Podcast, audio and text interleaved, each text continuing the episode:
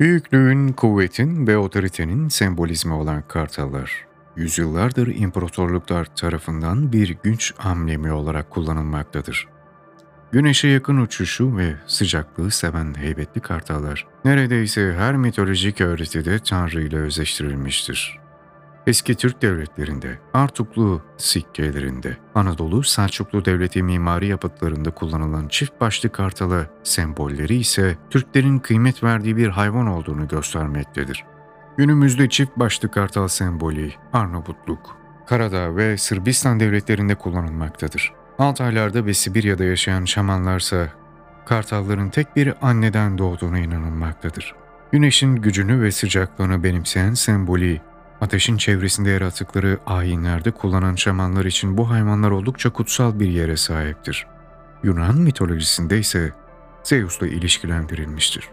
Kartalların en yüksekten uçtuğunu ve yuvasını en tepeye kurduğunu biliriz. Tek eşli olmasıyla bilinen kartallar bu yönüyle sadakatin birer sembolü haline gelmiştir. Göklerin hakimi olan bu kuş türünün çok hızlı uçtuğunu ve manevralarının keskin olduğu bilinmektedir. Acımasız ve koca gözleri etrafı kolayca ve 300 dereceye kadar görme yetenekleriyle harika birer avcılardır. Tüm bedeni, hız ve çeviklik için yaratılan bu kuşların sembolünde keskin görüşlülük yatmaktadır. Pençeleri güçlü, gagaları içeri doğru kıvrık olan kartallar avlarını kolayca yakalayıp paramparça edebilirler. Kendinden oldukça büyük avları bile kolaylıkla yakalayabilen bu hayvanlar sembolik olarak gücü de temsil edeceklerdir. Doğanın yenilmez yırtıcılarından biri olan kartallar birer simurg veya zümrüde anka gibidirler. Doğdukları yuvada ilk andan itibaren kardeşleriyle hayatta kalma savaşı veren yavrular en güçsüzleri ailenin kurduğu yuvadan atmaya çalışır. Böylece hayatta kalan son yavruya dek savaş devam eder. Bu yönüyle bana taht savaşlarını anımsatan kartallar sahiden de Türk imparatorlukları ile güçlü bir bağ kurabilir. Kardeşleriyle girdiği savaştan sağ çıkan en son bebek ailesi tarafından özenle bakılır ve büyütülür. Geç büyüyen kartal neredeyse 3 yaşına doğru tüylenmeye başlayacaktır. Uçmayı öğrenen yavru yuvadan sonsuza dek ayrılarak kendi savaş alanını ve bölgesini bulmak üzere uzaklara doğru uçar. Ailesinin yanından ayrılan yavru kendi havalanında yaşadığı 40 yılın ardından derin, hüzünlü ve acı verici bir inzivaya çekilmek üzere kuytu bir yer bulacaktır. Zümrüt Anka yer atımı ise inzivaya çekildiği bu yerde kendini gösterir.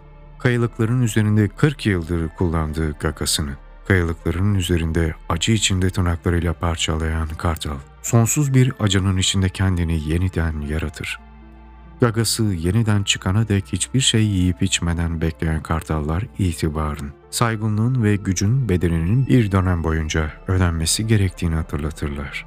Yeni gagası çıkan kartal, bu sefer yeni ve güçlü gagasıyla pençelerini tek tek sökerek kendini bir doğu noktadan yeniden yaratır. Tıpkı hayatta bizlerde olduğu gibi bir noktadan sonra biz de ayağa kalkmalıyız. İnziva süreci acılar ve Yeni yaratımlar içinde büyüyen ve gelişen kartal, bu kuytu köşeden ayrılırken acının getirdiği yepyeni bir olgunluk ve yepyeni bir bilgelikle ayrılır. Ömürlerini bu şekilde ortalama 70 ila 110 yıl arası uzatan kartallar, eğer inzivaya çekilmezlerse avlanma sıralarındaki gücünü kaybederler. Böylece avını diğer kartallara kaptırmak itibarının sarsılmasına neden olur.'' Bu müthiş yırtıcı bizlere yeri geldiğinde gücümüzden ve sarsılmaz iktidarımızdan feragat etmemiz gerektiğini gösterir. Böylece tıpkı zümrüden kakuşu gibi küllerimizden yeniden doğabilir. İktidarımızı ve güçlü yönlerimizi keskinleştirebiliriz. Yaşanmışlıkların ve savaşların izini taşıyan kabukları yenilemiş. Bilgeliği baki kalmıştır. Kartal sembolü bizlere şu ifadeleri hatırlatacaktır. Keskin bir görüşü, yükselmeyi, sadakati, yeniden doğuşu, ruhsal bağlantıyı, saygınlığı ve özgürlüğü.